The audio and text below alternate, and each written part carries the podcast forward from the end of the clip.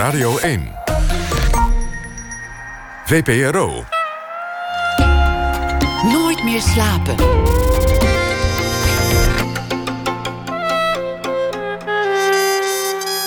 Met Nicole Terborg. Goedenacht en welkom bij Nooit meer slapen. Koenen schreef een boek over de opkomst van de boze burger... de Januskop van de democratie. Na ene hoort u een gesprek met een sociaal filosoof... die een geruststellend bedoelde boodschap voor ons heeft. En na half twee komt fotograaf Rob Becker langs. Aanleiding is zijn boek Ballet in de Studio... met portretten van 60 dansers en choreografen. Maar we beginnen met de vrouw die hier voor me zit. Striptekenaar en illustrator Judith van Nistendaal. Ze groeide op in een nette wijk in eh, Brussel... maar is altijd op zoek geweest naar rommeligheid. Een carrière als striptekenaar was niet haar eerste keus. Maar na het zoveelste ontslag werd het haar duidelijk... dat ze maar één ding kon, tekenen. En ze maakt het zichzelf niet makkelijk. Grote maatschappelijke thema's gaat ze niet uit de weg. Haar debuut De Maagd en de Neger, een persoonlijk verhaal over de vluchtelingenproblematiek, deed meteen veel stof opwaaien. In het tweeluik verstript ze haar relatie met de Togolese asielzoeker Abu. Zeg ik dat goed? Abu? Helemaal juist. Oké dan. en hierna volgde het uh, ontroerende uh, toen David zijn stem verloor... en tekende ze haar pelgrimstocht naar Santiago de Compostela... Hè, in het boek Pelgrim of niet... En tijdens deze tocht ontmoeten ze Spaanse schrijver Marc Belgido. En op zoek naar een verhaal besloot Marc lijfwacht te worden van de door ETA bedreigde politici. Dat was toen nog zo, hè? Een beslissing die hem bijna meer had gekost dan opgeleverd. En samen met hem werkte Judith vier jaar lang aan het zojuist verschenen graphic novel Mikel.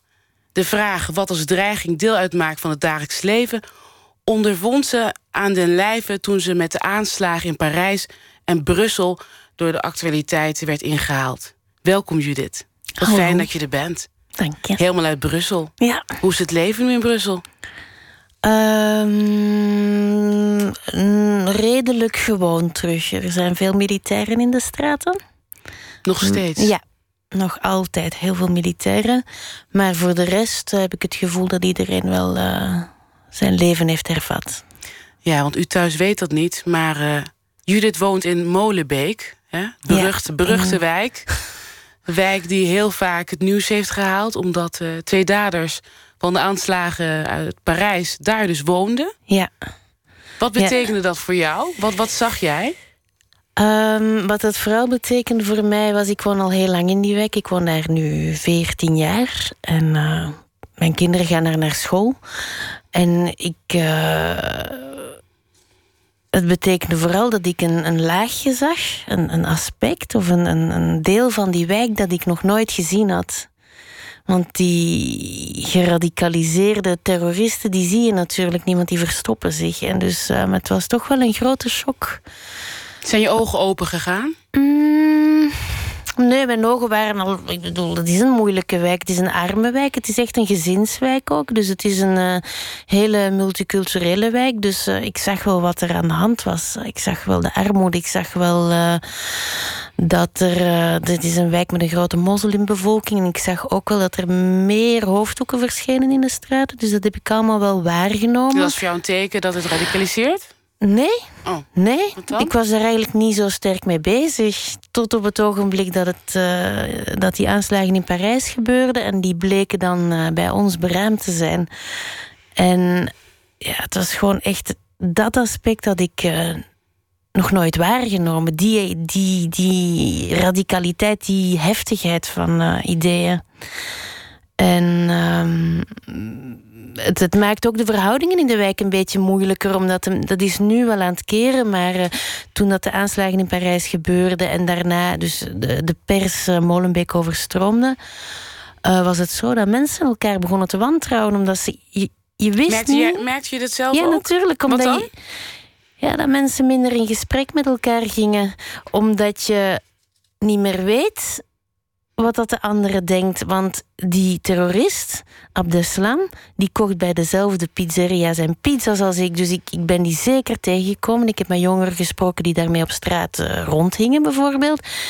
En ze hadden het ook niet gezien. En dus ineens hadden de mensen een soort gevoel van als je met andere mensen ging praten, je buren of eh, dat, dat, dat je niet wist welk vlees heb ik in de kuip. Maar wat deed dat met jou? Um, hetzelfde. Hetzelfde als met al die andere mensen. Al is het wantrouwen weggeëpt? Of ja, ja, ja, dat is helemaal okay. weg. Ben, weet je, je kunt dat ook niet volhouden. Dat heeft geen enkele hm. zin. Je, je, je, moet, je, je leeft daar, je woont daar, je gaat daar met iedereen om. Dus het heeft geen zin. Maar jij bent opgegroeid, zoals ik net al zei in de inleiding, in een chique wijk. In de Waar... Europese wijk. Europese wijk. Noem nog ja. even de naam. Uh, ik ben opgegroeid aan Merode. Dat is uh, vlakbij Schumann, Maalbeek. Uh, ja. Een chique wijk. Waarom kies je dan voor om in Molenbeek te gaan wonen? Vooral omdat toen de huizen in Molenbeek niks kosten. Oh, het is een geldkwestie. Niets anders. Ik ben daar echt gaan wonen op het moment dat iedereen mij voor gek verklaarde. Omdat Molenbeek was in de jaren 80, 90 een zware wijk. was echt een ruige buurt. Nogal heel gewelddadig ook. En ook achtergelaten door de politiek. Echt achtergelaten, verwaarloosd. En dat is dan in de jaren 90 gekeerd. En ik ben daar gaan wonen omdat daar een prachtig huis te koop stond voor 100.000 euro. Dat kon ik toen betalen met mijn man en uh, klaar. En ik heb dan gemerkt dat die wijk uh, helemaal niet zo ruw en hard was als uh, ik ze in mijn gedachten had. Ze was heel erg veranderd. Het is eigenlijk een gezinswijk. Ik wil even gaan naar het boek dat voor me ligt. Ik, ik was er vandaag weer in aan het kijken, bladeren. Ik denk, deze vrouw, hè, die werkt. Die heeft hard gewerkt. Ruim 360 pagina's. Uh, en veel meer bladzijden dan voorgaande werken. Ja. Was het een zware bevalling?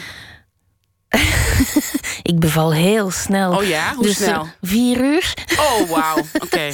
dus uh, voor mij was dit geen bevalling. Dat was een heel ander gevoel. Maar het is wel het is een soort monnikenwerk. Hè? Hm. Maar dat is bij alle strips, denk ik. Je, je moet heel veel pagina's tekenen, heel veel mannetjes, heel veel decors. Je moet heel veel tekenen. Dat is elke dag een beetje. En dat een, een hele lange tijd aan, aan een stuk. Wanneer heb je voor het laatst een potlood vastgehouden? Uh, voor dit boek uh, heb nee, ik... voor het laatst ah, gewoon? Uh, om vier uur zeventien vandaag. Maar dat mag jij toch niet? Nee, eigenlijk niet. Het is een boek dat ik nog aan het afwerken ben. Want ik heb voor mijn uh, boek Mikkel heb ik kleurpotlood getekend. Heb ik mijn schouders een beetje eigenlijk kapot getekend. En ik mag niet meer met kleurpotlood werken. Maar ik had nog één boek in de stijger staan in kleurpotlood. Dat ben ik nu aan het afwerken. Illustraties bij Macbeth. Maar je gaat toch door met het... Uh, met tekenen wel, ja. Maar uh, niet meer met kleurpotlood waarschijnlijk. Dat komt niet meer goed? Het maakt niet uit wat je gaat doen? Het doet te veel pijn. Hmm. Mijn schouders zijn heel, zo getraumatiseerd. Ik denk, vanaf dat ik een kleurpotlood vasthoud schieten die in een kramp. Denk ook puur uh, mijn hoofd dat in een kramp schiet, omdat ik weet hoeveel pijn het kan doen. Maar hoe kan het dat je zoveel kracht hebt gezet? Kleurpotlood is iets, als je daar kleur wilt uithalen, moet je daarop duwen. En dan moet je heel erg kleine heen- en weerbewegingen maken. En dat is gewoon heel zwaar voor je spieren. Dat is heel zwaar. Zeker als je dat drie jaar aan een stuk doet. Even naar dit boek, hè? hè waarom je hier zit, de aanleiding. In het boek draait het om angst en, en terrorisme. Het gaat over een snoepverkoper die bodyguard wordt in Baskenland. En hij beschermt uh, politici die in Spaans honden worden genoemd, hè? Toch? In het, uh, in, in, het, uh, in het Baskisch. In het Baskisch. Precies, ja. ja. En hij beschermt dus politie tegen aanslagen van de ETA, hè, die toen nog actief was. Ja. En hij wordt helemaal opgeslokt door die wereld. Ja. Hij had een gezin, getrouwd en dat valt allemaal weg. Allemaal kapot. Allemaal kapot. Ja. En je hebt dit samengemaakt met Mark Bellido. Hè? Ja. Uh, en dit is gebaseerd op zijn leven. Maar in hoeverre is, is dit zijn verhaal? Het is echt zijn verhaal. Het is echt autobiografisch. Alles, ja, alles. Eén op één. Ja, het is natuurlijk, uh, zo, hoe moet je het zeggen, re reshuffled. Het is in stukjes geknipt en uh, op andere manieren terug in elkaar geplakt. En misschien heeft hij niet zoveel kinderen als in het boek, of misschien, en hij heet hij in het echt misschien anders enzovoort. Maar hij heeft wel alles wat hij daarin beschrijft, wat er daarin getoond wordt, heeft hij wel meegemaakt. Ja, het is, het is echt het leven van een lijfwacht in tijden van terreur. Wat heb je ervan geleerd? Want je bent helemaal in het verhaal gedoken. Um, wel, ik, wat, er zijn een aantal dingen die ik ervan geleerd heb. Ten eerste dat de prijs van de vrijheid heel relatief is. Dat vrijheid een heel relatief begrip is. Ehm, dat uh, terroristen vrijheid af proberen te pakken, maar dat zij strijden in de naam van vrijheid. En dat de mensen die zij willen doden, dus de Spaanse politici, misschien ook niet allemaal zo heel kosher zijn wat vrijheid betreft. En dat de mensen die die mensen dan moeten beschermen ook hun vrijheid moeten opgeven. Dus dat vrijheid eigenlijk een heel, heel dubbelzinnig begrip is, om te beginnen. Dat vrijheid en uh, dat uh, veiligheid een illusie is. En dat is iets wat ik. Maar daar ben je ook zelf achter gekomen, natuurlijk. Dit jaar, ja. ja. Dat heb ik, maar door. Ik was het boek aan het maken toen dat de aanslagen in Parijs gebeurden. En uh, het boek was in druk toen dat de aanslagen in Brussel gebeurden. Um, en dus het, het, het heeft mij. Het, is, het was goed eigenlijk om dat boek te maken als voorbereiding op dit jaar, moet ik zeggen. Ja, denk je dat het voor jou anders was dan iemand ja, die niet omdat met ik heel veel over veiligheid had moeten nadenken de jaren ervoor. Dus ik heb, ben heel veel bezig geweest met het thema wat is terreur, wat is angst zaaien en wat is veiligheid. Veiligheid is een, is een psychologische denkoefening meer dan een, een, praktische oefening. Het feit dat er militairen in de straten staan, gaan geen terreurdaden ver, vermijden. Maar het gaat wel de mensen een gevoel van veiligheid geven, misschien. En dus misschien moet je ze er daarom wel zetten. Het is een. een, een dus dat jij was kon het analyseren of zo? Ik, ja, ik, kon al, ik kon toch al een, be een beetje inschatten wat dat het belang was van antiterreur. En wat dat de impact daarvan is en wat dat de illusie of niet daarvan is. En dus ja, dat heeft dat boek mij wel geleerd. En het heeft mij ook heel veel respect leren hebben voor iedereen die uh, bodyguard is. Of die bijvoorbeeld de militairen die dag in dag uit in de Brusselse straten staan om onze, ons een gevoel van veiligheid te bieden. Die staan daar in de regen, die staan daar in de kou, die staan daar, die mogen geen eten aannemen van de mensen. En die staan zich steendood te vervelen en te wachten. Ja, wat, ik vraag me dat, wat voor persoon moet je zijn om dat te kunnen doen? Hè? Want dan kan ik liever vragen, wat Heel voor persoon rustig. was Mark? Ja. Heel rustig. Dus... Um, en je moet, uh, ja, je moet je, jezelf opzij kunnen zetten. Zou jij het kunnen? Oh, ik zou onmogelijk, onmogelijk. Echt, voor geen meter. En dit is voor het eerst dat je aan de slag bent gegaan met, met een verhaal dat niet persoonlijk is. Ja. Hè? Ja. Jouw, jouw debuut ging over een relatie. had je Ging over mezelf, ja. Ging over jezelf. Daarna heb je er nog een boek gemaakt. Dat ging over mensen in je omgeving. Hè? Die Nee, het is een fictie. Hè. Het was een totaal Fict- fictief fictie, verhaal. maar- over een onderwerp dat ik van heel dichtbij heb meegemaakt. Kanker, ja. Ja, dus Ja. hoe was het om voor het eerst iets te maken... wat verder van je af staat? Wel, het, het, het, moeilijk, het was een beetje... Eh, ik, wou, ik heb het bewust gedaan, hè, want eh, mijn volgende boek ga ik weer helemaal zelf doen over thema's die heel dicht bij mij liggen. Maar ik wou, ik wou mezelf uitdagen en dingen tekenen die ik anders nooit zou tekenen. En ik had wel zin in een, in, in een, in, in een verhaal van een man, omdat mannen toch wel ander soorten verhalen schrijven dan vrouwen, denk ik nog altijd. En dus ik wou wel eens kijken of ik dat kon. Het verhaal van een man wat, is, tekenen. wat is het verschil dan tussen verhalen van vrouwen en, en van mannen? Het is niet eenduidig. Hè. Ik bedoel, er zullen zeker vrouwen zijn die erg mannelijke verhalen schrijven en mannen die erg vrouwelijk schrijven. Maar er is toch een spectrum, denk ik, waar dat mannen meer over schrijven. Ik bedoel, er zijn ook meer mannelijke bodyguards dan vrouwen, bijvoorbeeld.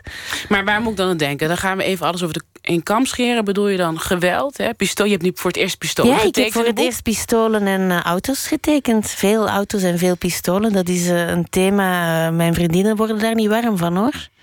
Ja, Maar, maar, eh, ik ga nog even terug naar die verhalen. Is de thematiek dan anders, denk ik? Maar Denk- nee, natuurlijk nee. niet. Want ik dacht dus, ik ga een schrijver nemen en ik ga een totaal ander thema nemen. Maar eigenlijk is het een psychologisch drama van een man die, die, die schrijver wilt worden, daarvoor al zijn dromen, alles op alles zet en zijn familie daaraan kapot laat gaan. En die eigenlijk zijn eigen drang en ambitie voorrang geeft. En dus ontzettend egoïstisch is op een bepaalde manier. Dus is dat anders dan wat ik zou vertellen? Nee, natuurlijk niet. Want dat, zijn, dat is een verhaal dat ik perfect ook zou kunnen vertellen. Want... Het is toch, toch terugkomen bij jou, hè? Ja, natuurlijk. Bij een universeel thema, hè? En het probleem was ook, voor mij was dit niet zo'n persoonlijk boek, maar voor Mark Bellido was dit wel een persoonlijk boek. Hij had dat allemaal meegemaakt.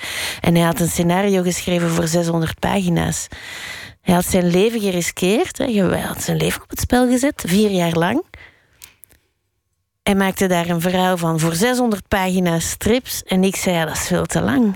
Het is veel te lang. Ik teken niet alles. Die scène gaat eruit, die gaat eruit. Maar ik sneed in zijn leven. Wat deed dat met hem? Verschrikkelijk. Ja?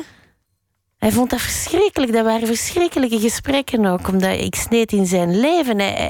zijn vrouw was weggegaan bij hem. Zijn, hij zag zijn zoon niet meer. Hij had het allemaal meegemaakt. En ik zei tegen hem: Ja, sorry, maar dit stuk is echt niet belangrijk. Heb je ooit zo'n rol gehad dat jij op die manier met iemand om moest gaan? Nee, dat was de eerste keer. En ehm, dat was snoeihard. Ben je een harde vrouw geworden hierna? Nee, ik, ik, ik, ik, was al hard, denk ik. Ik denk gewoon heel koppig, ja. Hoe ben je zo geworden? Ik denk niet dat je zo wordt. Ik denk dat je zo in elkaar zit. Dat wil niet zeggen dat je onaangenaam hard bent of zo. Maar ik denk wel dat ik iemand ben. Ik was al als kind ook al geweest zijn. Die uh, voor een. Als je iets wilt bereiken, als je iets wilt maken dat goed is, dan moet je keuzes maken en dan doe je dat en dan ga je daarvoor. En dus dat heb ik hier gedaan en dat was vreselijk pijnlijk voor hem. Maar hij is nu wel heel blij met het boek en hij ziet ook waarom ik gesneden heb. Dus eigenlijk zeggen, jij weet wat je wil. Ja. Jij weet wat je wil en daar ga je voor. Ja, en dat is heel hard soms. Maar ik ben in jouw leven gedoken. Hè? Ja. En wat mij dan opvalt, is dat jouw vader, hè, ook een bekende Vlaming, ja. schrijver, dichter, ja. hè, Geert, ja. Uh, dat hij vertelde een verhaal dat hij jou naar school bracht als kleuter. En heel veel kleuters die krijzen de boel bij elkaar. Maar jij zag potloden daar liggen. Ja. En jij ging tekenen. Ja. En dat heb je de hele dag gedaan, ja. totdat ze kwamen halen. Ja. Weet je dat nog? Nee, natuurlijk niet. Nee. Ik was 2,5. Maar ik ken het verhaal en ik kan er mij wel iets bij voorstellen. En toch was je pas 26 jaar toen jij wist van... ik ga hier mijn vak voor maken. Maar zelfs toen wist ik het nog niet. Maar hoe kan dat dan? Uh, omdat ik... Uh, heel uh, onzeker ben over mijn kunnen. En ik ben uh, na mijn. Sowieso in het algemeen. Ik denk altijd als ik een examen ga afleggen dat ik het niet haal. En dan heb ik hele goede cijfers. Dus het gaat op alle vlakken. Dat als ik, mijn, mijn man en mijn kinderen lachen daarmee. Altijd als ik een taart bak mislukt mijn taart. Maar is hij erg, erg, erg lekker. Dus altijd als die taart gebakken is, denk ik, het is mislukt, hij is mislukt, hij is mislukt. En dan, en dus dat is een, een soort running gag geworden in ons huishouden van het mislukt altijd bij Judith. En ik ben gaan studeren in Berlijn, in een kunsthogeschool, omdat ik kunstenaar wou worden. Dat was een kunsthogeschool met heel conceptueel kunstonderwijs. En Ging je daarom naar Berlijn? Want je hebt natuurlijk heel veel goede kunstopleidingen ook... Uh... Dichterbij. Ik wou, ik wou ook weg thuis. Hè. Oh, je wilde weg? weg. Ik wilde okay. weg. Ik wilde weg en ik wilde kunstenaar worden. Ik ging de wereld veroveren. Oké, okay, en ik ging ben, naar Berlijn. En ik, ben, ik mocht niet meer meedoen met examens in die hogeschool. In die kunstacademie. Dus ik, ik liep daar helemaal verloren. Ik maak ook geen conceptuele kunst of zo. Ik maak geen installaties. Ik teken mannetjes die van alles doen. En daar kan je heel erg um, diep mensen mee raken. Maar uh, dat paste niet in hun onder, in, in wat dat zij gaven. En dus ik dacht, ik kan het niet. Dus je ging naar Berlijn. Ik... En eigenlijk paste de opleiding niet bij. Het was conceptueel. Ja. En jij bent veel vrijer. En toen, mocht je dus, en toen mocht jij geen examens doen. Waarom niet? Om, wat zeiden ze? Omdat ik ook op een duur niet genoeg meer kwam. En het ook liet ze, ze, ze, ze, hebben mij eerst gezegd, misschien ben je geschikt. Je moet eigenlijk naar illustratie gaan. Maar dat wou ik echt niet, want wat dat ik maak is geen illustratie. Ik wil geen posters illustreren, misschien soms wel. Maar ik wou kunst maken met mijn tekeningen. En ja, dat bestond toen nog niet zo echt. Dus ik, en, maar ik had het allemaal niet zo door. Ik was 17 toen ik naar Berlijn vertrok. En ik was 18 toen ik met hangende pootjes terugkwam. En ik dacht gewoon echt, ik kan het niet. Ik ben niet geschikt om dit te doen. Ik moet iets anders doen. En, dan, en toen? Wat ben je toen gaan doen? Etnische kunst heb ik dan gestudeerd. Want ik was verliefd op Abu. Abu, Abu uit, uh, Uit Togo. uit Togo. En eh, dus eh, ja, ik eh, ben dan eh, op eh, Afrikaanse kunst gaan studeren. en ook Oceanische kunst en eh, allerlei soorten niet-westerse kunst. En ik was daar erg goed in, in dat studeren, maar ik was helemaal niet goed in het erna. Nee, maar wat gebeurde er daarna? Ik werd overal ontslagen. Ik ben heel slecht in organiseren, ik ben slecht in samenwerken. wat, voor, wat voor banen heb je gehad? Oh, ik heb voor ehm, de minister van Transport gewerkt, bijvoorbeeld, Isabelle Durand. Voor eh, Ecolo, voor de Groenen. Ik heb eh, op de Koninklijke Vlaamse Schouwburg heb ik zogenaamd een, eh, een theaterfestival georganiseerd, wat ik helemaal niet goed kon. Ik heb Wat dan gebeurde, ook, even een voorbeeld. Wat gebeurde er? Jij moest een festival organiseren. Wat, wat, wat ging er mis? Oh, er kwam een hele belangrijke theaterploeg uit Duitsland. Dat was een Duits theaterfestival. En die kwamen toe op donderdag om negen uur s'avonds. Ik was dat gewoon helemaal vergeten. En ik was een pintje gaan pakken met mijn vriend. Nee. En die stonden, ja, die waren. En die kwam, ja, dat weet ik nog. Ik kwam uit het café en ik kwam toevallig langs het theater gewandeld en die stonden daar, dat weet ik nog. Dus zo erg. Ik heb ook voor de werkgroep voor een rechtvaardige en verantwoorde landbouw administratie gedaan. Ik heb echt, je wilt het niet weten, Hoe vaak ben je ontslagen? goh, vijf, zes, zeven keer, ik weet het niet. Soms En- heb ik de en- eer aan mezelf gehouden, op twee jaar tijd toch, hè? En voel je dat aankomen, zo'n ontslag? Je, vo- je, vo- ik, nee. maar ik, het was ook niet. Nou, je lacht ik- er nu bij, maar het lijkt mij Het heftig. was geen leuke periode. Nee. Maar waarom lach je dan? Ja, omdat ik natuurlijk, als ik nu op mezelf terugkijk, dan zou ik mezelf ook ontslagen hebben. en toen zei mijn, mijn vriend, de vader van mijn kinderen later, stop ermee. Hierna, we wonen op 500 meter van de kunstacademie. Je gaat je nu inschrijven. Ik betaal je studies. Ik zal wel werken, zorg dat je een baantje hebt voor een dag of twee in de week. Dominante man? Helemaal niet. Nee? Helemaal maar je vond het oké dat hij dat zou zijn? Ja, Oké. ja. Hij zei dat met heel veel liefde. Oké. Ja, dat hoort. Die liefde, dat hij was, zei kwam er niet over. Maar oké. zoveel liefde. En, ehm, maar hij zei het wel nogal vlak af in mijn gezicht hoor. En hij zei: Je gaat striptekenen doen. Ik heb gezien dat ze daar strips tekenen. Dat je dat daar kunt studeren aan de Kunstacademie in Brussel. Want hij verzamelde strips. Hij dacht, ik wil gewoon een, een, een striptekenaar in huis hebben. Dat dacht hij. En eh, dan ben ik daar begonnen en ik dacht, nou ja, we zullen wel zien. eh, want ik was echt, ik wist echt niet wat gedaan met mijn leven. En dan in het tweede jaar is de klik gekomen. In het tweede jaar begon ik te zien van taal, vind ik fantastisch. Ik spreek ook, dat kan ik wel goed, Welke talen. talen spreek je allemaal? Ik spreek eh, Nederlands natuurlijk, Frans, want ik ben in Brussel opgegroeid, Duits, want ik heb in Berlijn gewoond, Spaans, want ik heb in Spanje gewoond, Engels natuurlijk, en ook een beetje Portugees. Vroeger Zo. sprak ik eigenlijk goed Portugees, maar ik heb het al heel lang niet meer gesproken. En je hebt ook nog een studie gevolgd, hè? Aan de universiteit. Nog voordat je... Of niet? Je hebt toch ook aan de universiteit gestudeerd? Ja, Ja. ja, ja, ja. Ook hoge heb- cijfers. Ja, hele hoge cijfers. Zijn bolleboos zit hier voor me. Ja, ik heb elf jaar gestudeerd. ja. Ja. Ik weet het ook, het is een beetje een raar parcours, maar eh, het is uiteindelijk wel een goed parcours gebleken. Want ehm, door, eh, door later met beeldverhaal en strips bezig te zijn, kon ik toch op een iets rijpere manier met het medium omgaan dan ik eh, zou gedaan hebben op mijn 17, denk ik, of mijn 18. En dus kon ik meteen ook verhalen vertellen die misschien toch eh, meer een eh, gelaagdheid in zich hadden. En dus ja, dat maakt dat mijn eh, afstudeerproject ook meteen mijn debuut was. Hè. Ik, er zat geen tijd tussen mijn afstuderen of mijn publiceren. Mijn Hoe kwam- ja, masterproef was mijn debuut. ja, en dat debuut, hè? De Dat maagd en debuut. de neger. Ja, ja ik, ik zeg maar even niets hoor. Ik, ik ga niet in op het woord. Doe ik maar, doe ik maar niet. Maar het is niet in alle landen zo vertaald. Nee, nee. In het Engels bijvoorbeeld echt niet. Nee, zeker niet.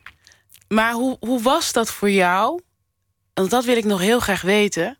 Dat boek kwam uit. En de Belgische pers die, die viel helemaal over jou heen. Je ging Ja. van interview naar interview. Ja, Je stond midden in de belangstelling. ja. Hoe was dat voor jou? Eh, heel verwarrend. Ontzettend verwarrend, want ik, je voelt dat niet aankomen. Hè?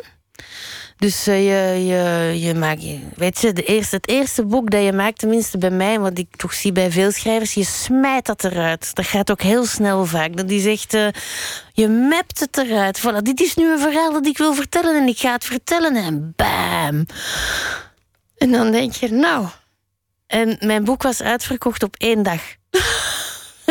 Ze zijn zaterdag. Er was een honger naar het verhaal, naar het verhaal, naar het menselijke verhaal het, over de vluchtelingenproblematiek. Het, het, het, was op, het is gepubliceerd op het ogenblik dat, uh, dat uh, de wetgeving rond vluchtelingen verstrengd is.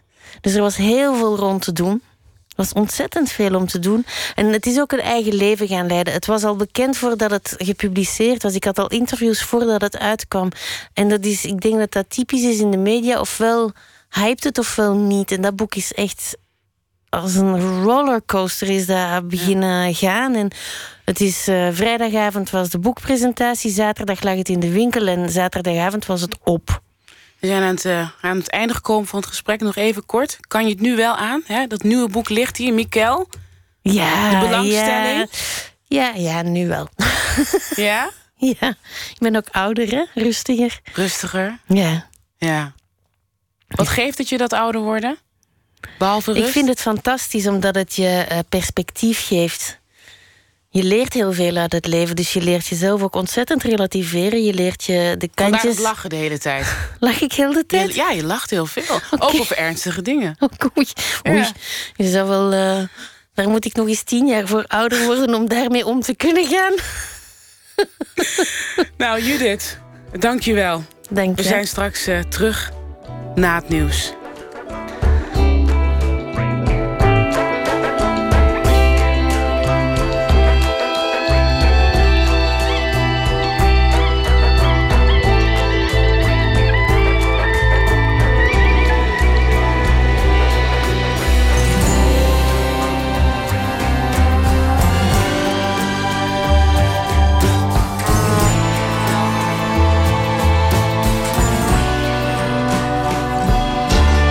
Radio 1.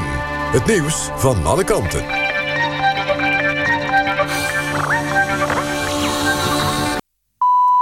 1 uur, Kirsten Klomp met het NOS-journaal. In het ziekenhuis van Deventer zijn drie baby's besmet met de bacterie MRSA. Daarom neemt het ziekenhuis voorlopig geen zieke of vroeggeboren baby's op.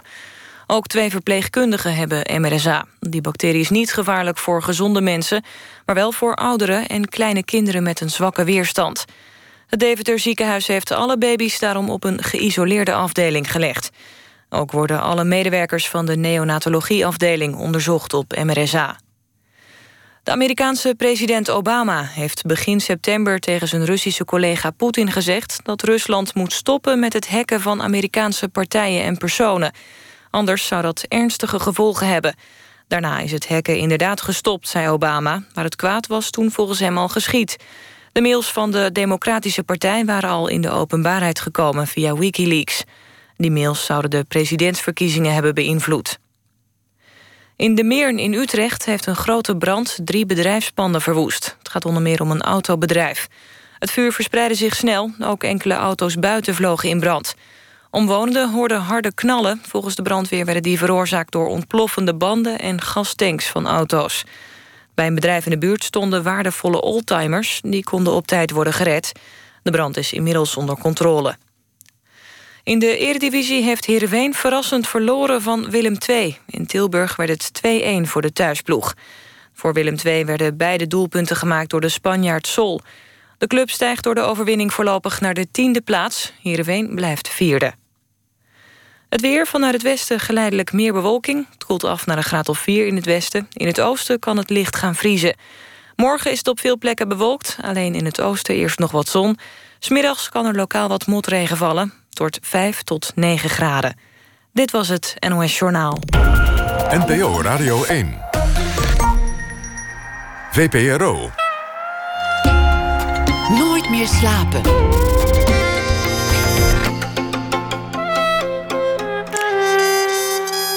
Met Nicole Terborg. Welkom terug bij Nooit meer slapen. Burgers laten zich steeds luidruchtiger uit over de gang van zaken in de politiek. Terwijl verschillende politieke partijen hun ankers in de maatschappij lijken te verliezen. En velen zien dat als een gevaar voor de democratie. Straks hoort u een gesprek met sociaal filosoof Sjaak Koenis... Die, er, die heel wat minder pessimistisch is. En fotograaf Rob Becker komt dit uur langs. Hij maakt een bijzondere fotoserie over dansers en choreografen. En hij is straks de gast in onze rubriek Open Kaart. Maar we beginnen met proza. Bij het nieuws van de afgelopen dag. Een taak die deze week, ik heb al de hele week gehoord... Uh, een taak die voor uh, Alma Matthijs is. Zij heeft het op zich genomen. Zij uh, schreef meerdere toneelstukken en een verhalenbundel... en twee romans getiteld Alles is Carmen en De Grote Goede Dingen. Goedenacht, Alma. Goedenacht. Hallo, hallo. hoe gaat het met je na al die nachten hè, een verhaal vertellen? Ja, het is, het is toch wel wat laat hoor, moet ik zeggen. Ja? Maar uh, het gaat goed en ik doe het heel graag. Ja, ik hoor het enthousiasme. Hoor het enthousiasme ook elke avond, elke nacht moet ik zeggen. Ja, ja, het is, nou ja, het is, het is fijn om te doen. Ik, ben, ik stort me dan echt helemaal door, door op, lees alles. En uiteindelijk blijft er iets, uh, iets plakken. En uh, daar ga ik dan iets op tikken. En wat is er vandaag blijven plakken? Nou, vandaag, en dat speelde eigenlijk al wat langer deze week... Um, maar ik dacht, ik moet er toch nog iets mee. De politie in Rotterdam en hoe die heeft uh, getweet over... Um, ja, eigenlijk uh, daklozen en zwervers. Ze hebben de... Um, ja, dus steeds als ze een zwerver zagen, namen ze daar een foto van... en wekten ze die vervolgens. En het wekte heel erg de indruk dat ze dat een beetje om, om, om te smieren deden. Of bijna een soort van... ja het, het, voelde ontzettend naar en bijna claimerend en uit een superioriteit kwam het over. En nu hebben zij daar zelf weer op gereageerd dat ze het verhaal niet konden vertellen in zo weinig tekens. Dat ze het juist gebruiken om te zorgen dat die zwervers uiteindelijk opgeholpen uh, kunnen worden, zeg maar. En dat ze dat dus eigenlijk moeten doen, omdat uh, veel van die mensen niet geholpen willen worden en misschien wel een gevaar voor zichzelf zijn. Maar alsnog, het blijft overeind, overeind dat hoe zij op Twitter die mensen neerzetten, uh, ja, dat was zo kleinerend en naar. Ja. En toen dacht ik eigenlijk, um, je moet ook een andere kant laten zien. En die vond ik op Twitter. Want er is namelijk een zwerver die, uh, die twittert. Die noemt zichzelf René Dakloos. En ik raad echt iedereen aan om hem te volgen. Want hij heeft zulke mooie, leuke verhalen. En um, ja, als je naar hem kijkt, dan denk je bijna zo van... oh, ik zou, ik zou ook dit leven willen leiden. Dit leven van de moderne clochard. Dus hij, hij, hij ja, tweet dan over de paarden die hinniken en de pauwen en dat de, de pauwen die geluiden maken en dat dat de mooiste muziek is die die kan horen. Het is echt een ja. Nou, hoe moet je hem volgen? Weet je de naam? Weet je de naam? Uh, ja, uh, um, dakloze René. Dakloze René. Nou, dan ben ik heel benieuwd naar je verhaal. Ja, dus ik vertel. heb geschreven over zijn eerste ontmoeting met zijn liefde, waar hij ook veel over vertelt. Bij de inloop is het druk. Freek gaat er niet vaak heen. Deze avond worden haren geknipt. Hij wil er goed uitzien, net als iedereen. Niet te kort, zegt hij. Het moet weelderig blijven. Hij gaat zitten naast een vrouw met lang blond haar. Ze kijkt schuchter voor zich uit. Voorzichtig hoor, zegt Freek. Ze knippen er altijd veel meer af dan je lief is. De vrouw glimlacht naar Freek als de vrijwilliger met een schaar komt aanlopen. Schudt ze haar hoofd. Ze haalt haar vingers door haar haren. Veel mooier zo, zegt Freek. Merel heet de vrouw. Freek moest haar naam aan iemand anders vragen. Zelf praat ze maar weinig.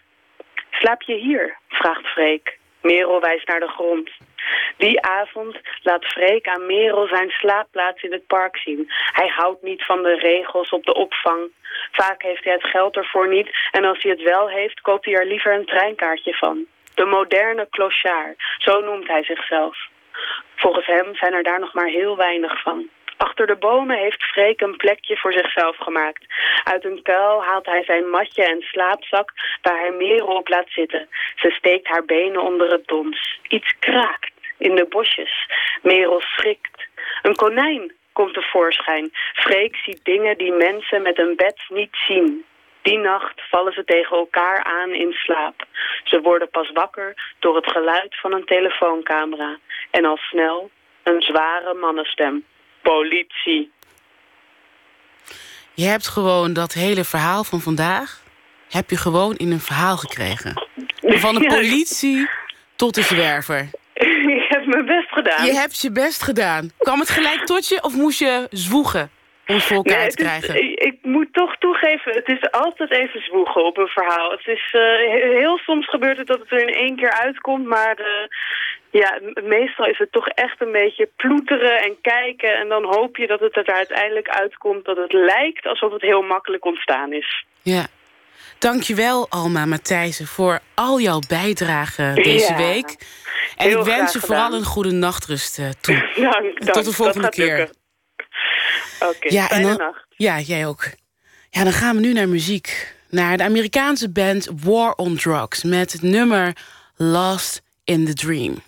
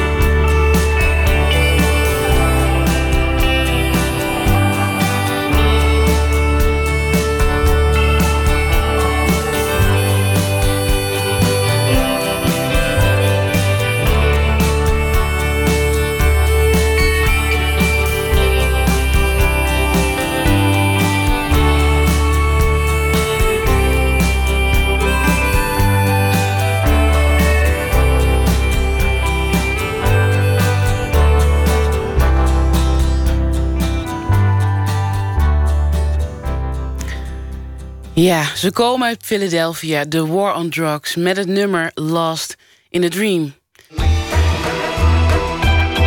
Nooit meer slapen. 2016 zou je wel het jaar van de boze burger kunnen noemen. Hij laat al jaren steeds harder van zich horen. En dit jaar culmineerde dat in Brexit, de verkiezing van Donald Trump tot president van Amerika, de groei van populistische partijen en referenda die zich in bijvoorbeeld Nederland en Italië keerden tegen de zittende macht. De angst voor de boze burger wordt tegelijkertijd ook steeds groter. Critici verwijzen zelfs naar het opkomend fascisme in de jaren 80. Sociaal filosoof Sjaak Koenis schreef een boek over de boze burger, getiteld De Januskop van de Democratie, met een geruststellende boodschap. En Emmy Colau, verslaggever, bezocht de hoogleraar in Maastricht. Will put America first. Nederlanders willen hun eigen land terug. Krachtersmoordenaars die We zijn niet bang voor de asielzoekers hier zijn. En wij hebben gewoon geen centen meer, want het geld betalen. Wij Nederlanders zeggen al eeuwenlang onverbloemd de waarheid. In een pessimistische bui bekruipt me soms het gevoel dat de hele samenleving bestaat uit nog maar twee soorten burgers. De boze burger en de burger die boos is op de boze burger. Oh ja, en dan zijn er nog politici die handig gebruik maken van die boosheid. Vandaag ontmoet ik Sjaak Koenis, buitengewoon hoogleraar sociale filosofie in Maastricht. Hij schreef een boek over de bronnen van de boosheid.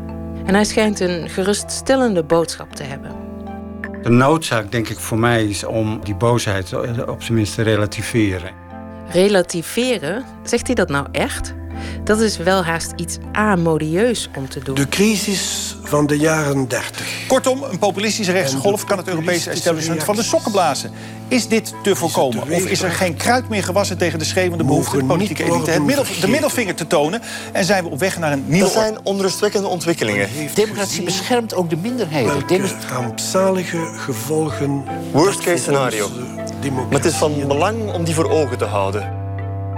Het verhaal is voortdurend, er is enorm veel boosheid en, en dat gaat ten koste van de democratie. En dat wilde ik omdraaien. Ik wilde, dat is eigenlijk gewoon in één zin waar het om gaat, is om te laten zien dat die boosheid eigenlijk vooral uit onze democratie en vooral het succes van onze democratie voortkomt. En natuurlijk wil ik niet zover relativeren dat, dat ik wil zeggen van ja, nee, het stelt allemaal niks voor. Natuurlijk, het is, het is belangrijk. Het is ook belangrijk voor politici om te weten dat ja, dat er nu heel veel boosheid is bij burgers. Maar uh, mijn rol als uh, filosoof is uh, dan vooral, denk ik, laten we een stap terugnemen. Laten we eens kijken van in welke context vindt die boosheid, wordt die geuit? En, en wat zegt dat over onze democratie? De boodschap van Koenis in één zin samengevat is dat de boosheid geen gevaar is voor de democratie, maar dat ze er juist een gevolg van is. Ja, de democratie heeft in onze beleving door en na de Tweede Wereldoorlog zeg maar, het fascisme overwonnen en, en later ook het communisme. En we hebben er een soort feestverhaal van gemaakt, hè, van uh, de overwinning van de democratie. Ja, er zit altijd een spanningsveld tussen dat ideaal en de realiteit. En, en daar ontstaat die boosheid. Democratie heeft de belofte in zich dat we allemaal vrij, gelijk en gelukkig zullen worden. En zeker na de Tweede Wereldoorlog is die democratie op een voetstuk gezet, als een feilloos systeem. Probleem is echter dat in de praktijk dat ideaal van vrijheid, gelijkheid en broederschap alleen maar in de vechten benaderd kan worden. En dat, dat gat tussen verwachting en werkelijkheid, veroorzaakt boosheid, rancune en een gevoel van onrecht. En dus de waarde van een democratie zit er volgens mij in de mate waarin het systeem als het ware mogelijk is om, om, om, die, om daar iets, iets mee te doen, die boosheid. Voor een deel opvangen. En dat lijkt mij ook het criterium om te beoordelen van hoe we ervoor staan is. Kan de democratie dat soort gevoelens uh, verwerken? In het tegenovergestelde van de democratie, de dictatuur, is bijvoorbeeld geen plaats voor het openlijk uiten van woede. Sterker nog, het is levensgevaarlijk. Het, dat is zeg maar wat het beste wat je over democratie kan zeggen, is dat die boosheid uh, dat die geuit kan worden. En dat, de, ja, dat we vervolgens ook kunnen kijken van hoe kunnen we onze instituties daarop aanpassen. Uh, en dat is, ja, dat, ik, ik, ik zie dat als een grote kracht van de democratie. Maar dan moet je dus niet het idee hebben van we kijken alleen naar de idealen van de democratie. Miljoenen Nederlanders hebben schoon genoeg van de politieke correctheid. As we are led by politicians who will not put America first. Genoeg van die elite die alleen aan zichzelf denkt en de gewone Nederlander vergeet. Een algemeen gevoel van boosheid komt op in de samenleving als er wrijvingswarmte ontstaat tussen elite en volk. Want ja, ook in een democratie is er een elite. Alleen al vanwege het simpele feit dat we een volksvertegenwoordiging kiezen. Om de zoveel tijd ontstaat er wrijving. Dat was bijvoorbeeld in de jaren 60 en 70 zo. En nu weer. We hebben een fase gehad na de Tweede Wereldoorlog.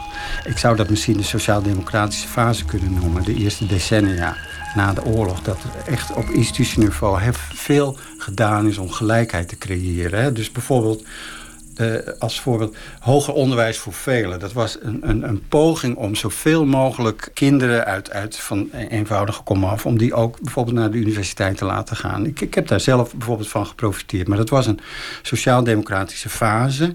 Die heeft naast al het goed heeft het ook geleid tot een zekere verstopping van de overheid. Eh, van, ja, dat iedereen ging alles verwachten van de overheid.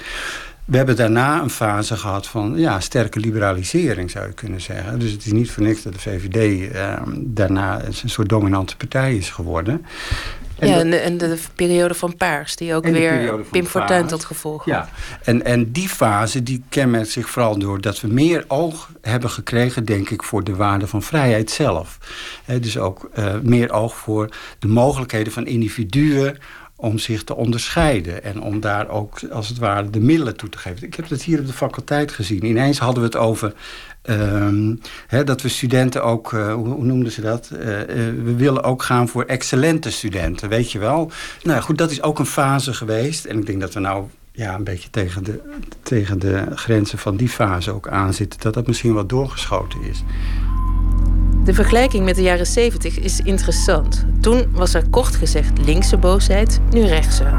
De beoordeling van die protestgeneratie is er een van dat waren de rebellen. Ze streden een rechtvaardige strijd voor gelijkheid en inspraak. Maar dat is achteraf geredeneerd, zegt Koenis. Ja, en, nu komt de boosheid van een andere kant. Uh, en ik denk dat je. En ik wil daar dus, dus absoluut niet mee zeggen dat het hetzelfde is. Maar structureel kun je zeggen van nou, er zit gewoon een probleem tussen zeg maar, de verhouding van de elite en het volk. Toen waren er ook mensen die bijvoorbeeld de Dolomina's maar rancuneus en afgunstig vonden. Toch vraag ik me af of die strijd niet veel meer gericht was op positieve veranderingen. De boze burger van nu lijkt vooral te verlangen naar het verleden. Ze zijn tegen, maar waar zijn ze eigenlijk voor? Is er van de boosheid die er nu heerst ook iets constructiefs te smeden? Ja, daar, daar ben ik wel pessimistischer over. Uh, in die zin. Uh, uh, kijk, wat, wat, wat je als constructief element kunt aanwijzen, is dat in ieder geval een groep in het politieke bedrijf getrokken wordt die, die daarvoor daarbuiten zat. Uh, en dan gaat het over een groep van burgers die eigenlijk niet zoveel uh, fiducie hebben in Europa bijvoorbeeld. Hè, dat dat via Europa altijd beter zal gaan. die ook niet profiteren van zeg maar de internationale globalisering. Die zich ook niet cosmopoliet voelen. Hè, dus voor die mensen is het inderdaad een strijd om behouden wat ze hebben. wie ben ik om te bepalen dat dat politieke doel alleen maar rancune is? Wie ben ik om te bepalen? Eh, ik voel me best wel cosmopoliet. Ik, reis af en toe naar het buitenland en ik heb het soort van werk waarin je dus eh, enzovoort enzovoort. Maar wie ben ik om te bepalen dat de angsten en, en de onzekerheden die die groep heeft, dat dat er gewoon afgeschreven kan worden als rancune. In zijn boek De Januskop van de Democratie ontwacht Koenis oorzaken en gevolgen, motieven en oordelen. Of hij daarmee de kloof tussen de twee kampen in de samenleving ook probeert te dichten? Zo heb ik het zelf eigenlijk nog niet eens uh, goed gezien. Maar op het moment dat je probeert om eh, ja, op begrip in de betekenis van begrijpen wat er gebeurt. Uh, dat is nog niet hetzelfde als begrip in de betekenis van ik omarm het. Maar op het moment dat je dat probeert, dan, uh, dan breng je natuurlijk mensen al dichter bij elkaar. Uh, in die zin zou je dat wel zo kunnen opvatten, ja. maar ik geloof niet dat er een fase zal komen waarin ja, dat soort van problemen opgelost zullen zijn. Helaas, Koenis biedt geen oplossingen. Dat kan ook helemaal niet, want hij gelooft helemaal niet dat die boosheid ooit zal verdwijnen. Uh, en mensen die dat wel geloven, die, die, die neigen dan naar die maximale democratie, waar ik dan heel sceptisch over ben. Dat kun je pessimistisch of zelfs nihilistisch noemen. Of realistisch. Ik ben er nog niet over uit of zijn boodschap nou geruststellend is. En houd me in de tussentijd maar vast aan het feit dat er tussen het ene kamp en het andere kamp een grote, redelijke meerderheid bevindt.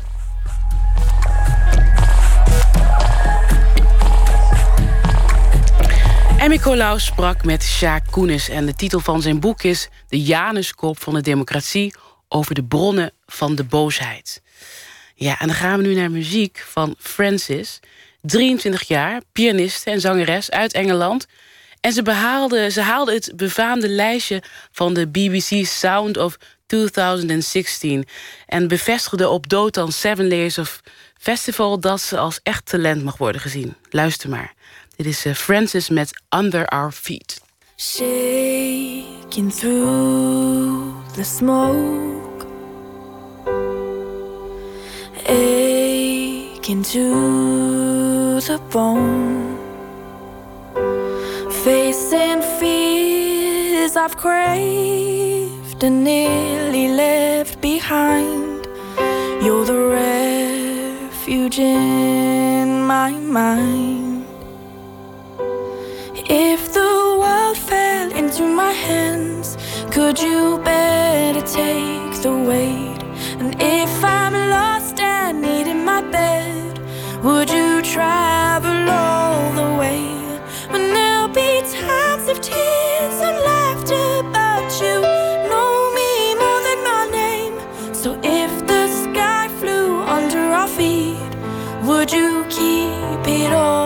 same?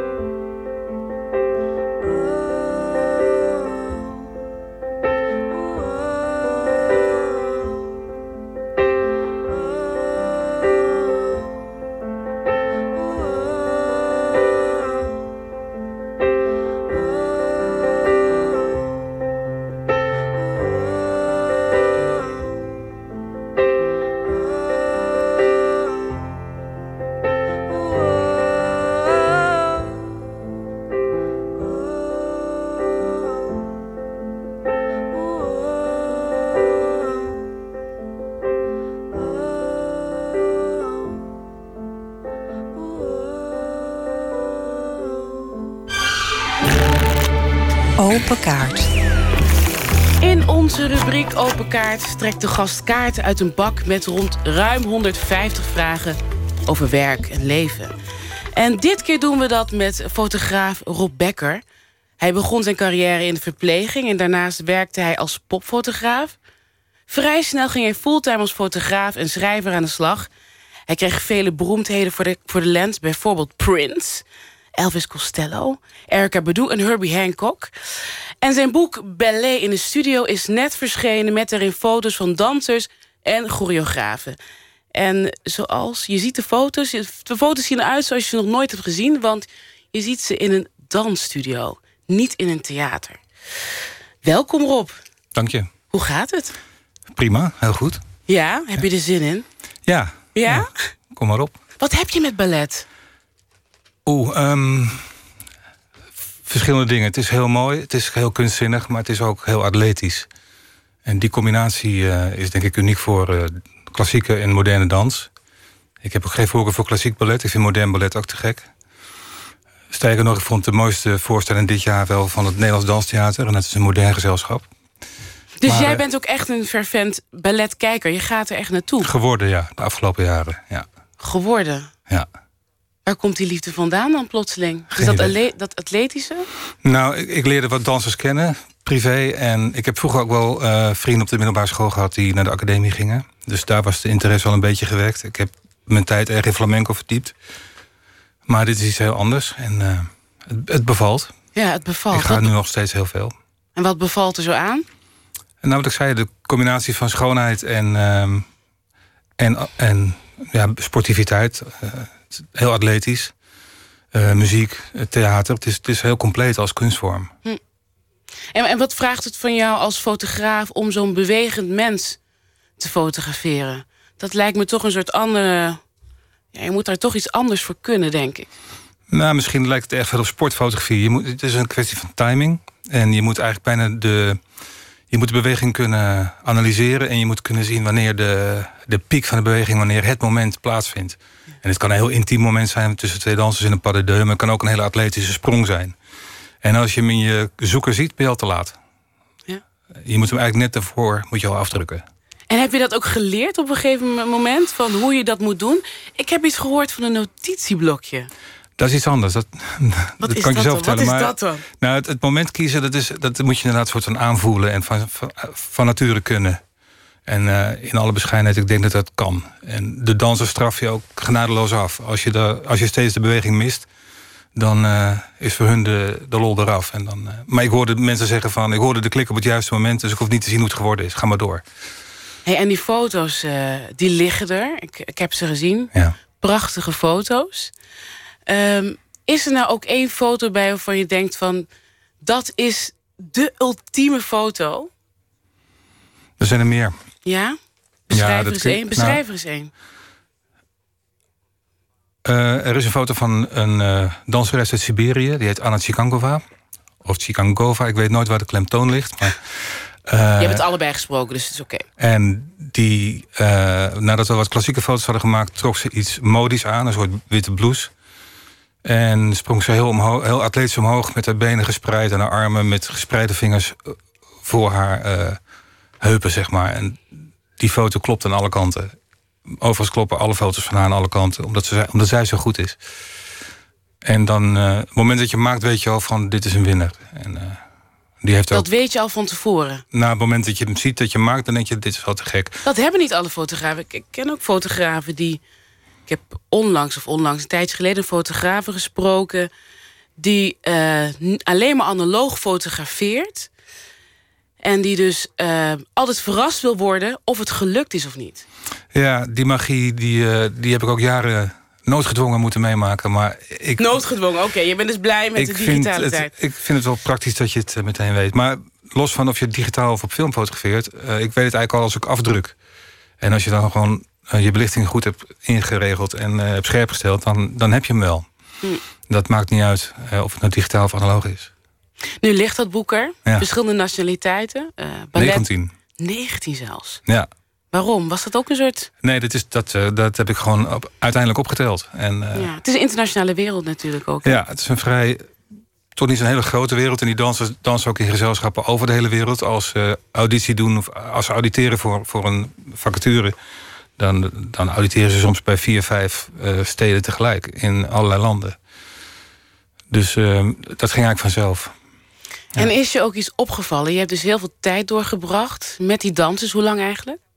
Drie jaar en negen maanden heeft dit boek Drie geduurd. jaar en negen, dat weet je gewoon precies. Ja, ik moest even kijken wanneer de eerste was. En dat heb ik onthouden. En uh, ja, je, je zit gemiddeld denk ik een uur met een danser in de studio. Soms iets langer.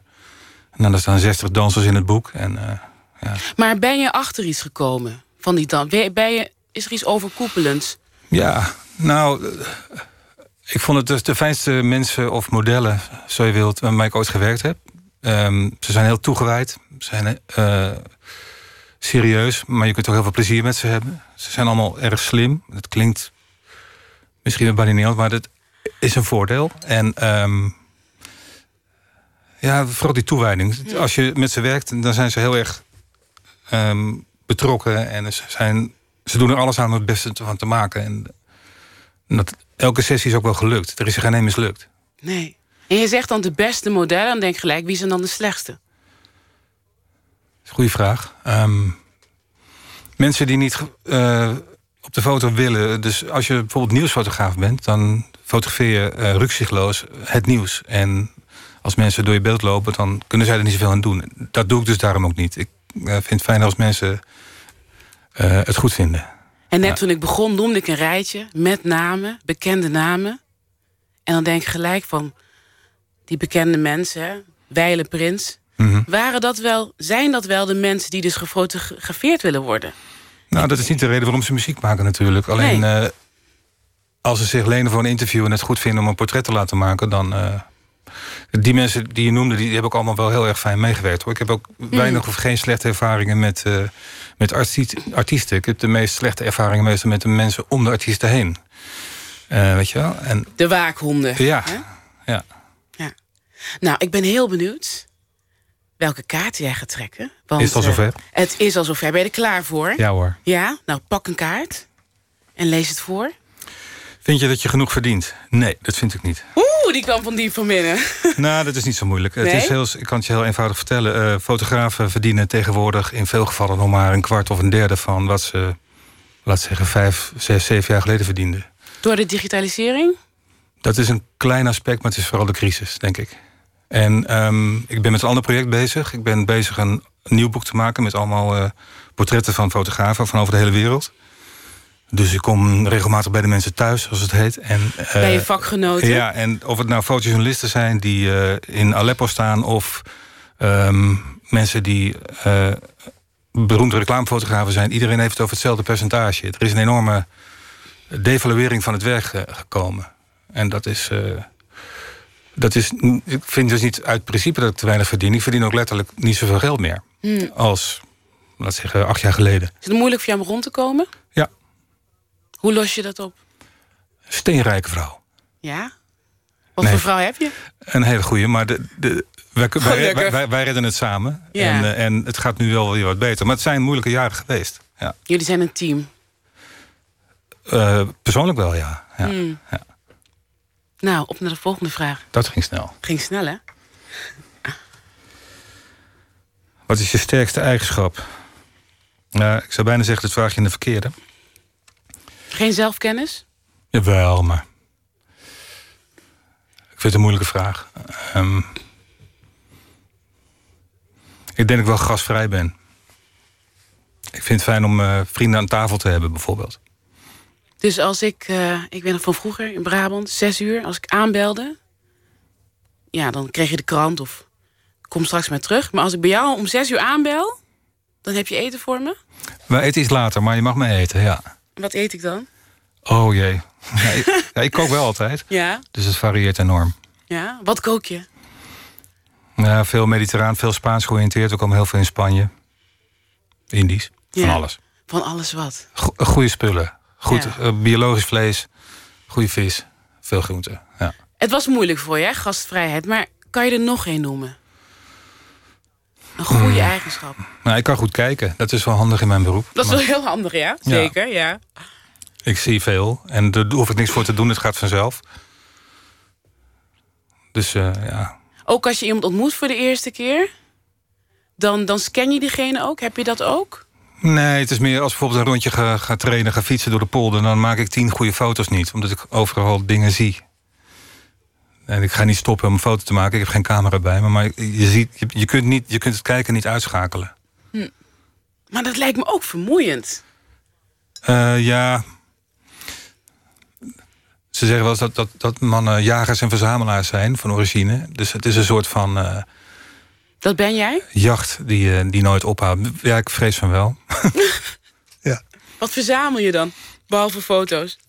Oh, um, boeken en platen muziek. Geen vrouwen?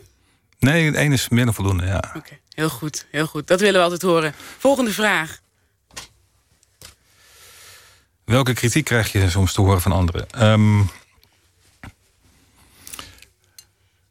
het kan wel eens wat te serieus zijn of te diep op de materie ingaan of uh, dingen. Um,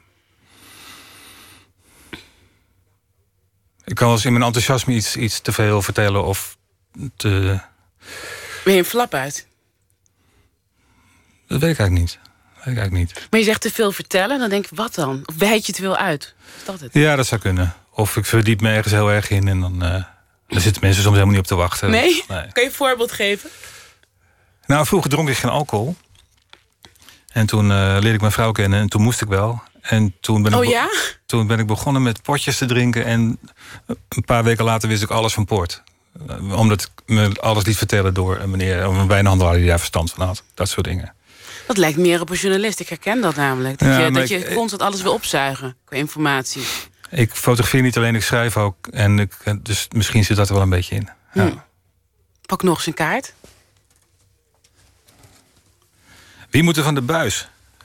Vertel eens, wie moet er van de buis? Nou, Kijk je wel tv? Weinig. Dat dacht ik al. Um, voelde het. Ik kijk tv als radio uh, via terugkijken. En als het dan interessant, als ik dan even wil weten wat er in beeld was, dan kijk ik even. Voor de rest laat ik het gewoon aanstaan. Um, maar wie moet er van de tv? Ja, ik heb, ik heb geen structurele hekel aan mensen op televisie, maar ik vind een heleboel televisie bagger.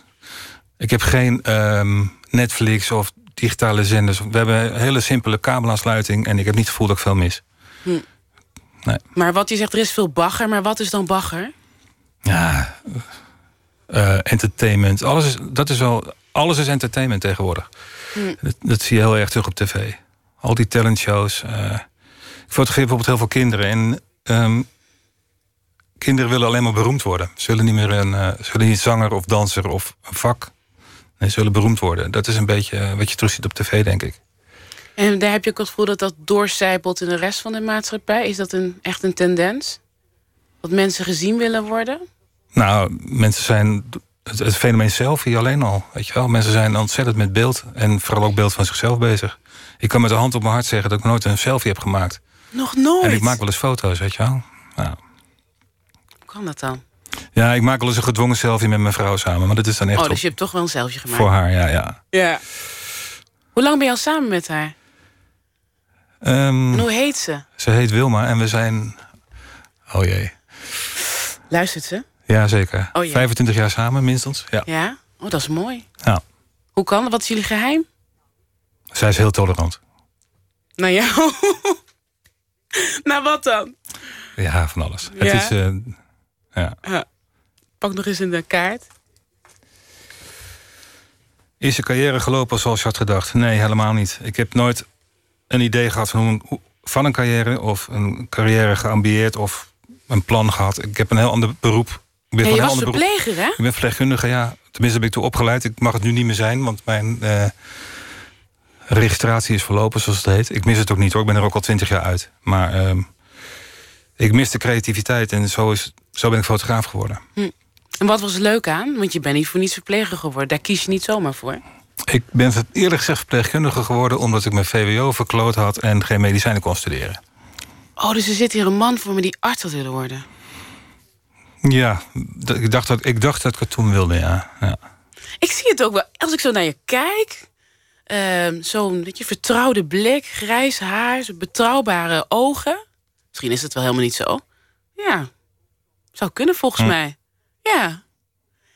Nou, dankjewel Rob voor, uh, voor jouw bijdrage en het openhartig vertellen. Dank voor, je studie, voor de komst naar je studie, naar de studio. En um, jouw boek heet Ballet in de Studio. Hè? Een boek met portretten van 60 dansers en choreografen. En we gaan nu door naar uh, muziek. Thomas Azier met Talk to Me. Een Nederlander die al jaren in Berlijn woont.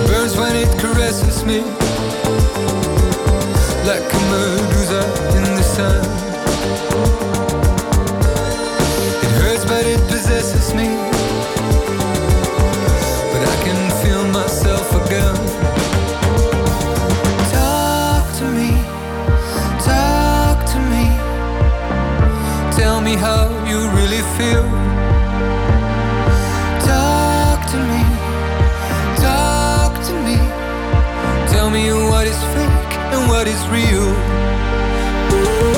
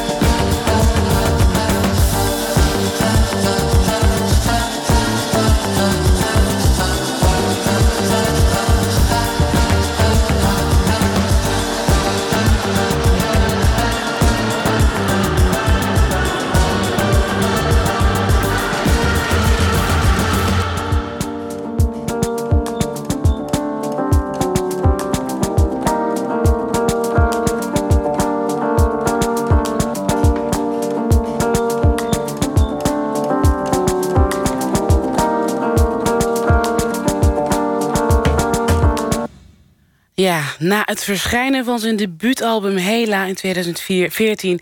is er eindelijk weer een nieuw nummer van Thomas Azier, Talk To Me. Dat heeft u net kunnen horen. Nooit meer slapen. Deze week ging er een nieuwe toevoeging aan de beroemde Star Wars-reeks in première, Rogue One. Dat wil zeggen, de film is geen officiële episode met een eigen nummer zoals de andere zeven Star Wars films dat wel hebben... maar een spin-off die zich in hetzelfde universum afspeelt. Deze film speelt chronologisch voor de eerste officiële Star Wars-episode... met het hoofdpersonage Jin, diens vader als wetenschapper... door het kwaadaardige rijk wordt gedwongen... om een planetenvernietigende wapen te ontwerpen. Zodra de rebellen horen dat Jins vader bewust een zwakke plek... in het wapen heeft aangebracht... begint de missie om het wapen onschadelijk te maken. Verslaggever Luc Hezen voor het publiek wat ze van de spin-off vinden. Ik uh, verwacht een film met veel knallende special effects, veel brute vechtscènes. Uh, gewoon uh, lekker entertainment, goede scènes, groots, meeslepend, overweldigend. De vorige film vond ik niet zo goed, dus slecht scripten. Vertrouwde helemaal op herkenning van, van de oudere films... in plaats van het eigen verhaal probeert te vertellen. Dus nee, ik vond de vorige niet goed. Ik heb niet meer dezelfde verwachtingen als vroeger. Dat was echt geweldig, helemaal nieuw. En dan zat je echt te wachten elk jaar tot er weer een nieuw uit zou komen. Als je van de zakelijke kant wil kijken, is het gewoon dat Disney eigenlijk gewoon ieder jaar een Star Wars film wil maken. Maar uh, niet in een één jaar steeds een de volgende deel kunnen maken. En dan maken ze steeds van die spin-off filmpjes tussendoor. En deze speelt zich dan vlak voor uh, de allereerste Star Wars film af. Can you be trusted without your shackles? Let's just get this over with, shall we? A major weapons test is imminent. We need to know how to destroy it. This is our chance. ik was niet heel erg onder de indruk. Nou ja, ging wel. Ja, het was wel uh, bombastisch. Ik kan het het best zo verwoorden. Ik was het meest onder de indruk van de tweede helft... wat eigenlijk die hele grote strijd is op, de, op die zee, die tropische zeeplaneet. Laat ik zeggen, het is bijna een groot vakantieresort zeeplaneet. Haar vader is dus aan het werk aan de Dead Star. Dat is... Uh nou ja, een grote ruimtestation uit de allereerste Star Wars film... dat uh, door het uh, boosaardige keizerrijk gebruikt wordt om uh, planeten te vernietigen. En deze film zijn ze dus aan het bouwen. Dan ziet ze een boodschap van haar vader. Die heeft er iets in geplant, zodat het vernietigd kan worden. Nou, dan gaan ze daar, daarna op zoek. Het is ook dat Rogue One, ik zeg nou even operatie Rogue One... eigenlijk het lot van het heelal van hun afhangt. En je ziet ook in de film, het is een strijd waarin zowel het keizerrijk als de rebellen... alles op alles zetten om te zorgen dat de ene niet wint. Dus op een gegeven moment dat moment ergens tegen het einde van de film... waarin ze de grote dramatische opbeurende speech aan het geven waren... Weet je, die altijd in dit soort films op die tijd hebben. En toen had ik opeens besef van... Wacht, zijn we al zo ver in de film, maar er is, er is nog niks... Uh, er is gewoon nog niks gebeurd op het gebied van verhaal. Ik vond het geacteerde vond ik allemaal uh, wat minder goed. Eigenlijk degene die het meest acteerden waren degene die niet meer leefden. Die ene, Pieter Cushing, die, uh, die ze weer met animatie tot leven gewekt hadden. Die vond ik eigenlijk nog het best acteren. Wat sowieso wat die regisseur uh, Garrett Edwards wel heel goed kan... is uh, grote dingen in beeld brengen. Weet je. Hij heeft een paar jaar geleden Godzilla-film uitgebracht. Dus dat is waar hij heel goed in is. Als Godzilla in beeld was, was het een prima film. Maar hij is schijnbaar om een of andere reden zijn niet geïnteresseerd in de mensen. Je zit er nu heel anders in dan hoe lang geleden? 30 jaar geleden? Dan zag je dat voor het eerst, die, dat soort special effects. En dan was je gewoon helemaal... Oh. Er zijn betere films met dezelfde goede effecten. 3 à 3,5. 3,5, ja. 3,5, oké. Okay. Mager, ja. 2,5. Meh. Gewoon meh.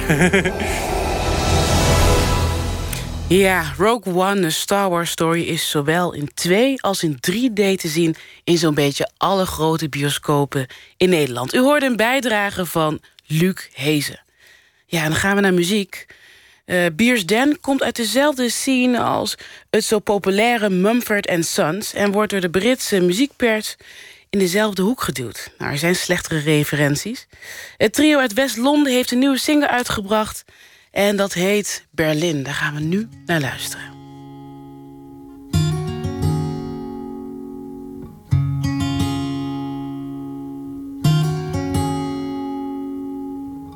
The cold wind made your cheeks glow, shivering away under your coat.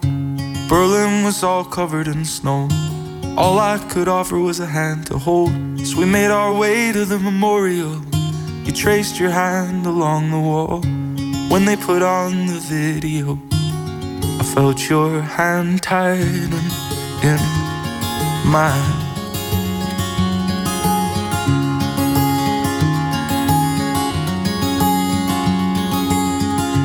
Oh, to be lost in an Alzheimer fog, like the grandfather I lost before I lost Erase the root, but spare the tree, and cut you out of my memory. Leave my world just black and white. Snatch the sun out of the sky. For the only color in my life is the memory of you and I.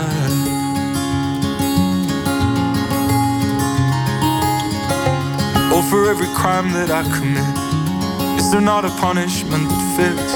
I'm sorry is an endless corridor, where behind each ever open door, all my doubts, my fear, my sin, I don't know how to begin. It's a maze within a maze without within. My mind, my mind, my labyrinth.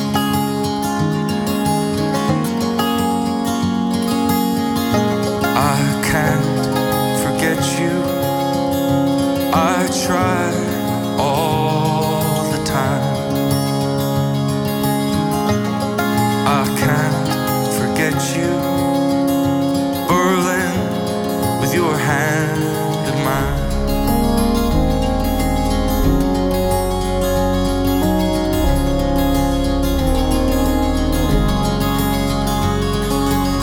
So how happy is the blameless vestal's love. The world forgetting by the world forgot. Is it eternal sunshine or endless dark? Or just a branch left hanging by the bar? Maybe there are victories and defeats that slip through the cracks of history. We're just two little people in a sea. But know that it meant everything to me.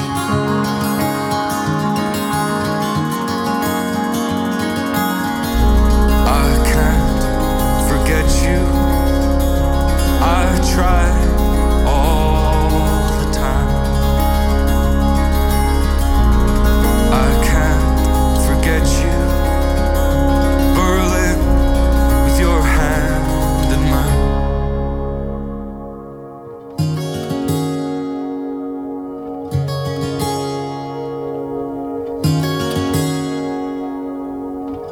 The cold wind made your cheeks glow, shivering away under your coat. Was all covered in snow. All I could offer was a hand to was dat, met het nummer Berlin. En we sluiten Nooit meer slapen af met poëzie van Ellen Dekwits. Vier gedichten heeft ze deze week al voorgedragen en ze kort toegelicht. En het laatste gedicht dat ze voor ons uitkoos heet Over het hoofd van Joost.